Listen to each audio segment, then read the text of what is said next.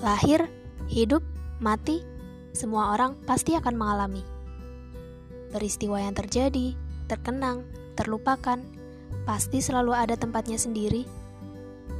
Jauh atau dekat, cepat atau lambat, ingin atau enggan, terima atau tolak, hidup selalu punya dua sisi, antara baik dan buruk. Hidup selalu memberikan pilihan, kita selalu kebingungan. Mau tahu lebih banyak? Dengarkan monolog. Aku akan berbagi cerita.